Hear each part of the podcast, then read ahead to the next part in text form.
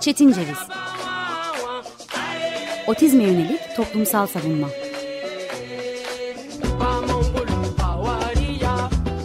Hazırlayan ve sunan Deniz Yazgan Zorlu Holding Sürdürülebilirlik Platformu Akıllı Hayat 2030, herkes için daha yaşanabilir bir dünya diler. Merhabalar. 95.0 Açık Radyo'ya uzaklardan bağlanmaya devam ediyoruz. Ben Deniz Yazgan. Bugün 24 Mart 2021 Çarşamba. Toplumsal sağlamcılık normları karşısında otizm serisiyle Çetin Ceviz dinliyorsunuz. Serinin bugünkü ve dördüncü programını Susan Sontag'e, otizmi Susan Sontag ile yazdıklarıyla anmaya adadık.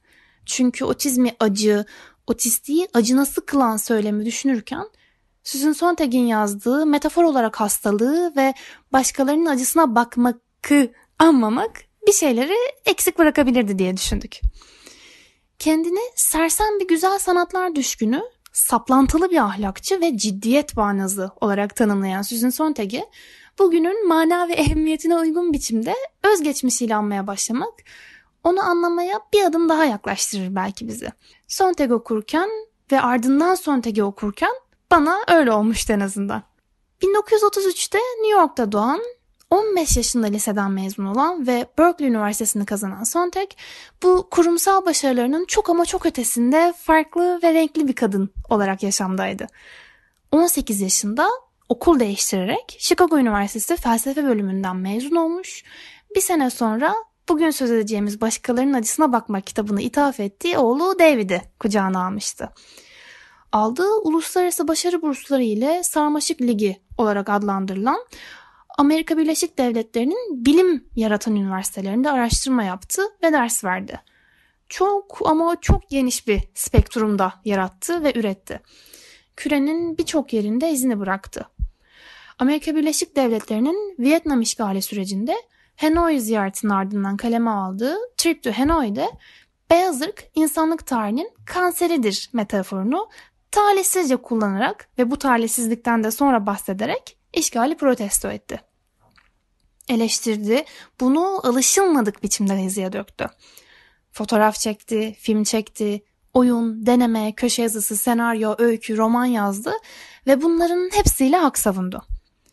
Fotoğraf üzerine 77'de öykülerinden oluşan seçki Ben ve Sare'yi ve bugünün kitabı Metafor olarak hastalığı 78'de yayınladı. 11 yıl sonra AIDS metaforlarını kitabın eklentisi haline getirdi. 87'den 89'a kadar Pen America'nın e, Uluslararası Yazarlar Birliği'nin başkanlığını üstlendi. Bu görevi boyunca işkence ve eziyet gören, özgürlüğünden yoksun tutulan yazarlar ve gazeteciler adına kampanyalar düzenledi. 90'ların önemli bir kısmını mum ışığında Beckett'in Godoy'u beklerken'e yönetmenlik yaparak Saraybaşı'na da geçirdi. Öykü seçkisi böyle yaşıyoruz artık. 91'de uzun süre çok satanlar rafından inmeyen romanı Yanardağ Sevgilim 92'de, oyunu Alice Yatak'ta 93'te geldi. New York Times'a yazdığı uzun tefsir sinemanın çürümesini 96'da yazdı. Babasını 6 yaşındayken veren, annesini 43 yaşındayken akciğer kanseri dolayısıyla kaybetti. 40'lı yaşlarında kanser teşhisi aldı, metafor olarak hastalık kitabına da bu dönemde yazdı. Metafor olarak hastalık kitabında da zaten başrol tüberkülozda yani vereme ve kansere aitti. Meme kanseri tedavisi gördüğü esnada kaleme aldı ve oldukça geniş spektrumlu edebi felsefi değerlendirmede ben dili neredeyse hiç yoktu ama kendi deneyiminin getirdiği o berraklık anlatımı oluşturan 90 küsür sayfaya hükmeder haldeydi. Sontag'dan önce böyle bir değerlendirmenin yani hastalığı metafor olarak kullanmaya yönelik eleştirel bir bakış açısının kullanıldığı ya da buna yönelik bir eser verildiği pek söylenemez. Sontag her zaman yaptığı gibi eleştirileriyle bir sonraki yüzyılın düşünüşünü de etkilemeyi, yön vermeyi bildi diyebiliriz. Çünkü engelliliği açıklayan sosyal modelden söz ederken farkında olmadan biraz da Sontag'den söz ederiz aslında. Çünkü Sontag metafor olarak hastalığın hemen 6. sayfasından der ki bir gizeme dayandırılan ve yoğun bir korku uyandıran herhangi bir hastalık kelimenin tam anlamıyla olmasa da ahlaki açıdan bulaşıcı olarak tahayyül edilebilecektir. Bu nedenle şaşırtıcı biçimde çok fazla sayıda kanserli insan akrabaları ve arkadaşları tarafından dışlanmıştır. Ve sanki verem gibi kanser de bulaşıcı bir hastalıkmış gibi davranılır. Bu kişiler yalnızlaştırılır. Bu gizemli kötücülük bir yerden sonra haneye tecavüz hissi uyandırır, hastalık tabulaşır. Sontag, Stendhal'ın armansından da örnek verir. Kahramanın annesi hastalığın seyrini hızlandıracakmış gibi verem kelimesini söylemeyi reddetmektedir. Sontag aynı zamanda Dr. Karl Menninger'dan da söz eder. Menninger, hekimlerin isim ve etiketleri terk etmesi gerektiğini öğütler. Zira hekimlerin görevi bu insanlara yardım etmektir. Onlara daha fazla acı vermek değil. Sontag, Menninger'in gizliliği ve tıbbi ataerkilliği artırdığını, bana kalırsa yeniden doğurduğunu belirtir bu değerlendirmesinde. Belirli bir hastalık sadece bir hastalık değil, kötü, yenilmez bir avcı olarak görüldüğü sürece kanser olduğunu öğrenen çoğu insanın demoralize olacağını Sontag de belirtir. Sontag'a göre çözüm, kanser hastalarına gerçeği söylemekten vazgeçmekten değil, hastalık kavramını düzeltmek, onu mitten arındırmaktan geçer. Bu anlayışta kanser olmanın kişinin aşk hayatını, terfi şansını, hatta işini tehlikeye atan bir skandal olabileceğini bilir hastalar. Ve hastalıkları hakkında düpedüz gizemli olmasalar da aşırı derecede ketum olma eğiliminde olabileceğini belirtir. Okumada biraz ilerledikçe Sontag tırnak içinde can alıcı başka bir noktaya değinir. Hastalığı bir ceza olarak algılamaya. Eskiden verem, şimdi kanserde olduğu gibi hastalığın hastalık sahibi kişinin karakterini ortaya koyucuk bir nitelik arz ettiğini. Daha doğru çevirmek gerekirse kişinin karakterinin hastalığa neden olduğunu belirtmek de bu soruna dahildir. Zira iddia edilen tutkulu, ihtiraslı, hırslı kişinin en derin hücresel girintilerine de kendine zarar verdiği yönündedir. Sonta George Grodek'ten bir atıfla devam eder. Hasta adam hastalığını kendi yaratır. Grodek 1923'te yayınladığı The Book of It'te daha da ilerler ve der ki Zaman içinde kanserle ilgili öne sürülen teorilerden sadece bir tanesi sağ, sağa çıktı. Kanser kişiyi ölümün kesin aşamalarına götürür. Demek istediğim ölümcül olmayan kanser değildir. Bundan yola çıkarak kanseri tedavi etmek için yeni bir yöntem umudum olmadığı sonucuna varabilirsiniz. Sontag, Kafka'nın da verem teşhisi aldığı Eylül 1917'de günlüğüne şöyle yazdığını aktarır. Ciğerlerdeki enfeksiyon yalnızca bir sembol. Duygusal bir yaranın Felez isimli bir iltihabın sembolü. Hastalık benim için konuşuyor. Çünkü ben böyle olmasını istedim der. Ve Feliz'e bu hastalığın verem olmadığını, en azından aslında verem olmadığını, genel olarak iflasımın bir işareti olduğunu düşünüyorum diye yazar. Korkutucu hastalıklar ötekileştirilir ve düşman kılınır. Hastalık şeytanlaştırıldıkça hastalığı taşıyan bünye ve böylece hastanın ta kendisi failleştirilir. Hasta faillik ve mağdurluk arasındaki iki kutupta hızlı turlar atmaya zorlanır. Otizme yönelik farkındalık çalışmalarına gelelim. Biraz da içi boş biçimde hastalık değil farklılıktır sloganıyla gerçekleştirilse de bu çalışmalar asli bakış açısı otistik bireyi çok toksik yollarla sağaltmaya ilişkindir. Otizm bir yapboz işaretiyle betimlendikçe otistik ile karşı karşıya kalınan her an eksik olana, aranması gerekene bir atıftır ve kayıp, gizemli bir şeyi bulmaya yönlendirir bizi. Ve Sontag'in söyleyip Türkiye'li otistik bireylerin aktardığı gibi ebeveynler otizmini bulaştırır diye otistik çocuklarla kendi çocuklarını yayına getirmezler. Ama maazallah'tır çünkü. Kendi çocuğuna da bir haller olur falan. Teşhisin ardından kimi ailelerde otizmi dillendirmez. Bizim bir özelliğimiz var, biz özeliz, oğlumuz farklı gibi söylemler de bu zamanlarda başlar. Toplumun yanlış etiketlendirmeleriyle yüzleşmek yerine bir yanlış etiketi daha biz yapıştırmaya devam ederiz. Ben de devam ettim.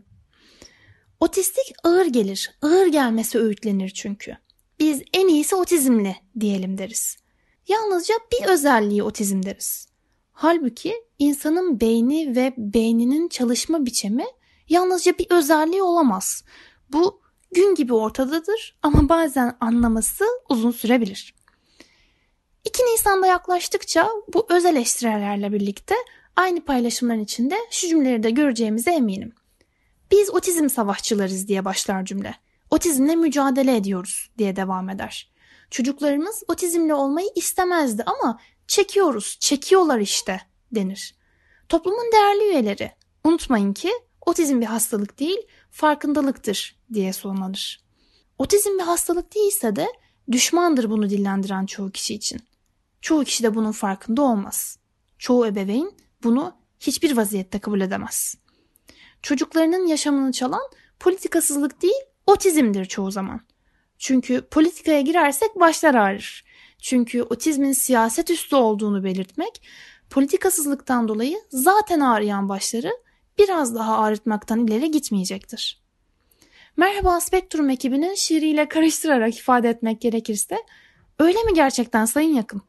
Otizmi bir ceza olarak öngörmek, kimi zaman cezayı çeken masum yavruyu otistik olarak belirlemek, ancak duygusal çöküntüler esnasındayken otistik bireye Allah'ın cezası da diyebilmek. Laf olsun diye, ağızdan öyle çıktı diye dediklerimizin önemsiz olduğu konusunda ne kadar eminiz? Doğru yaklaşımla içi doldurulamamış ve tam tersine gün geçirten ve otistik bireyi sağlamcılığa ve sonsuz çocukluğa sürükleyen tırnak içinde eğitim bizi Grodek'in dediğini öyle bir getirir ki. Sağlamcılık içinde otizmle ilgili öne sürülen teorilerden sadece bir tanesi sağ çıkar. Var olan otizm algısı otistik kişiyi tam olarak yaşayamamanın kesin aşamalarına götürür. Demek istenilen ağır otistik olmayanın otistik olmadığı yönündedir.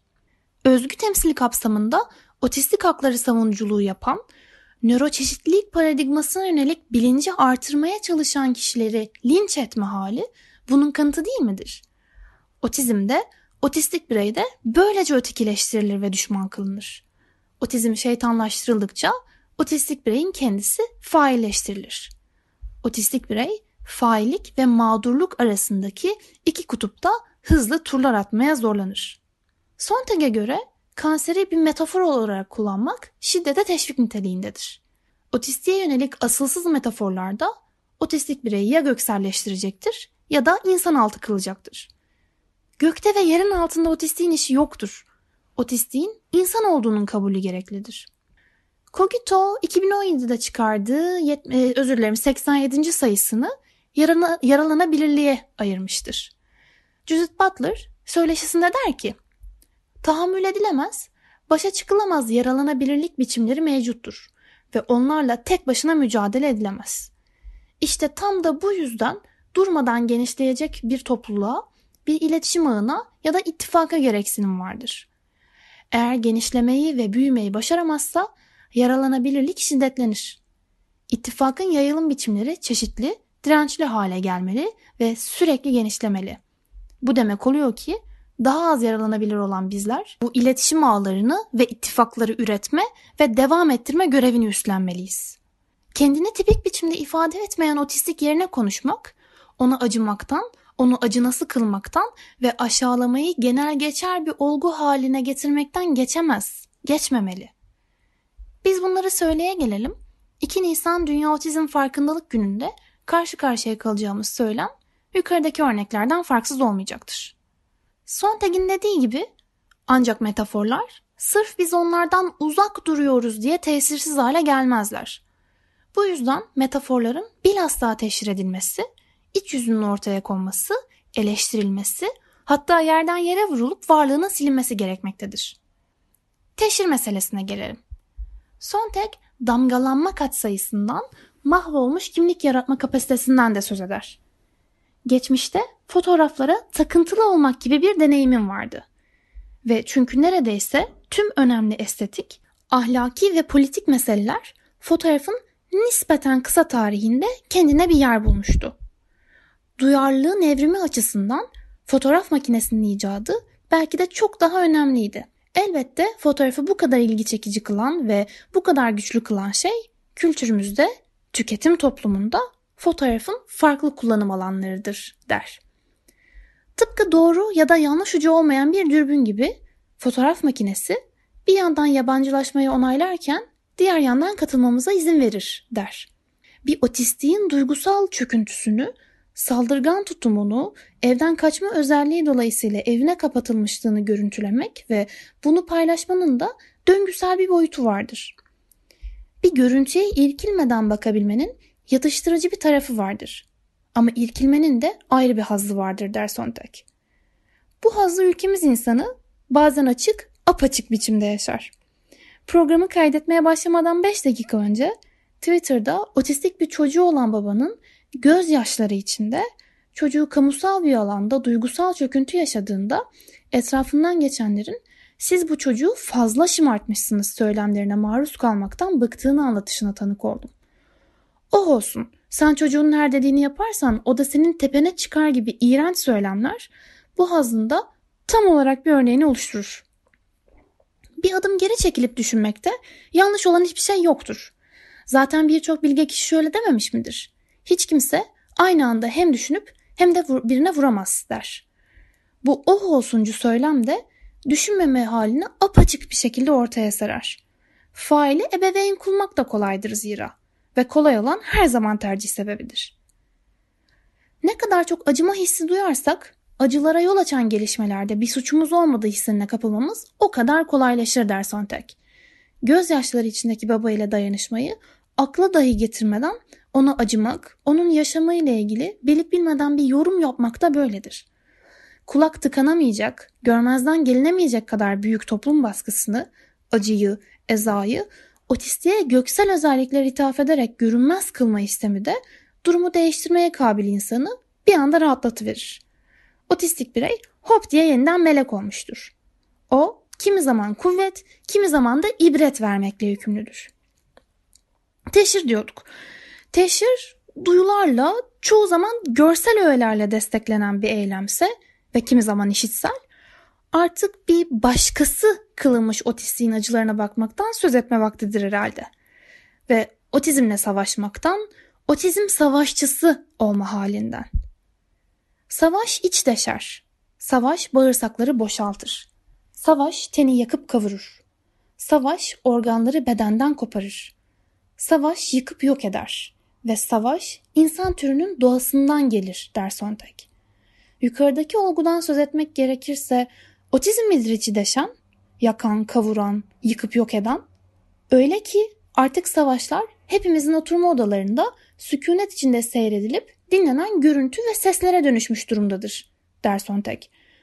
Otizm söz konusu olduğunda da duygusal çöküntünün nedeni mistikleştirilir ama kendisine alışkanlık kazanılmıştır.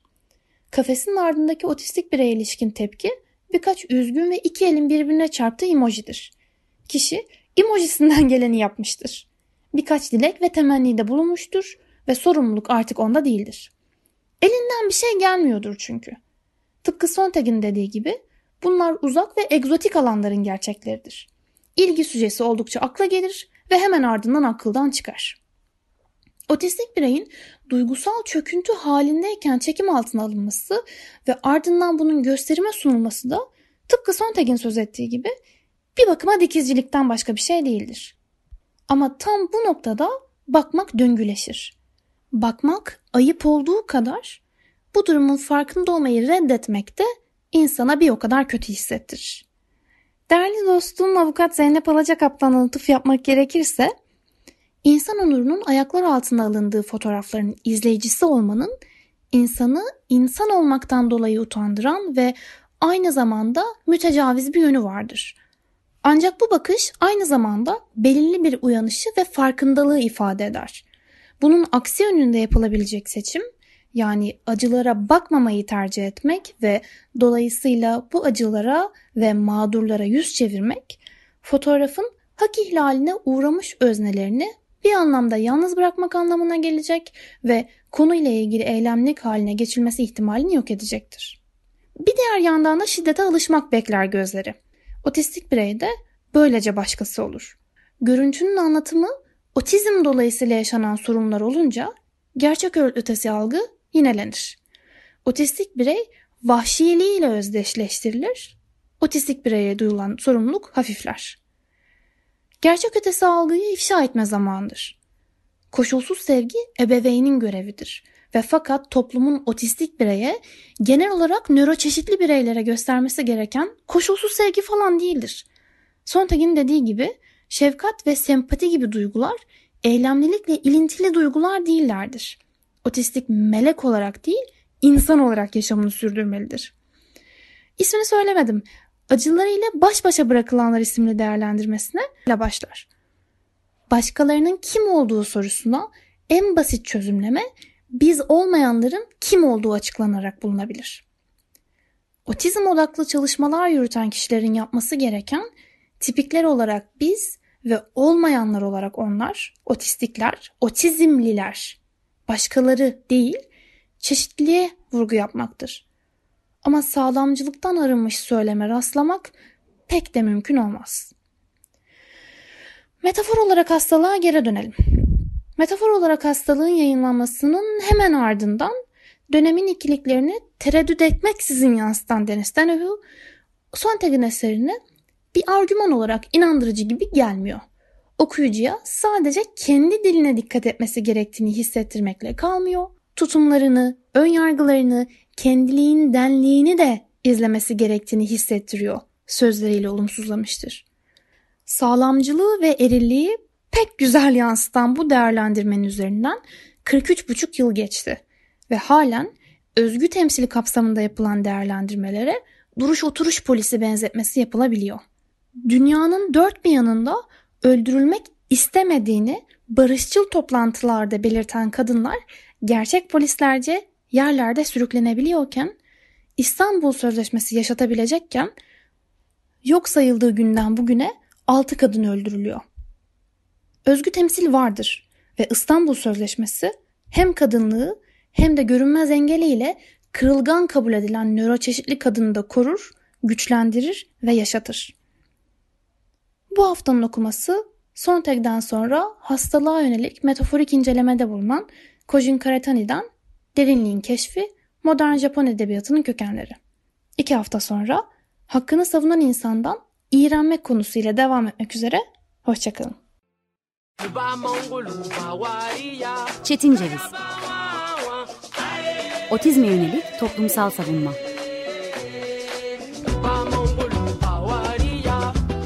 Hazırlayan ve sunan Deniz Yazgan. Zorlu Holding Sürdürülebilirlik Platformu Akıllı Hayat 2030 sundu.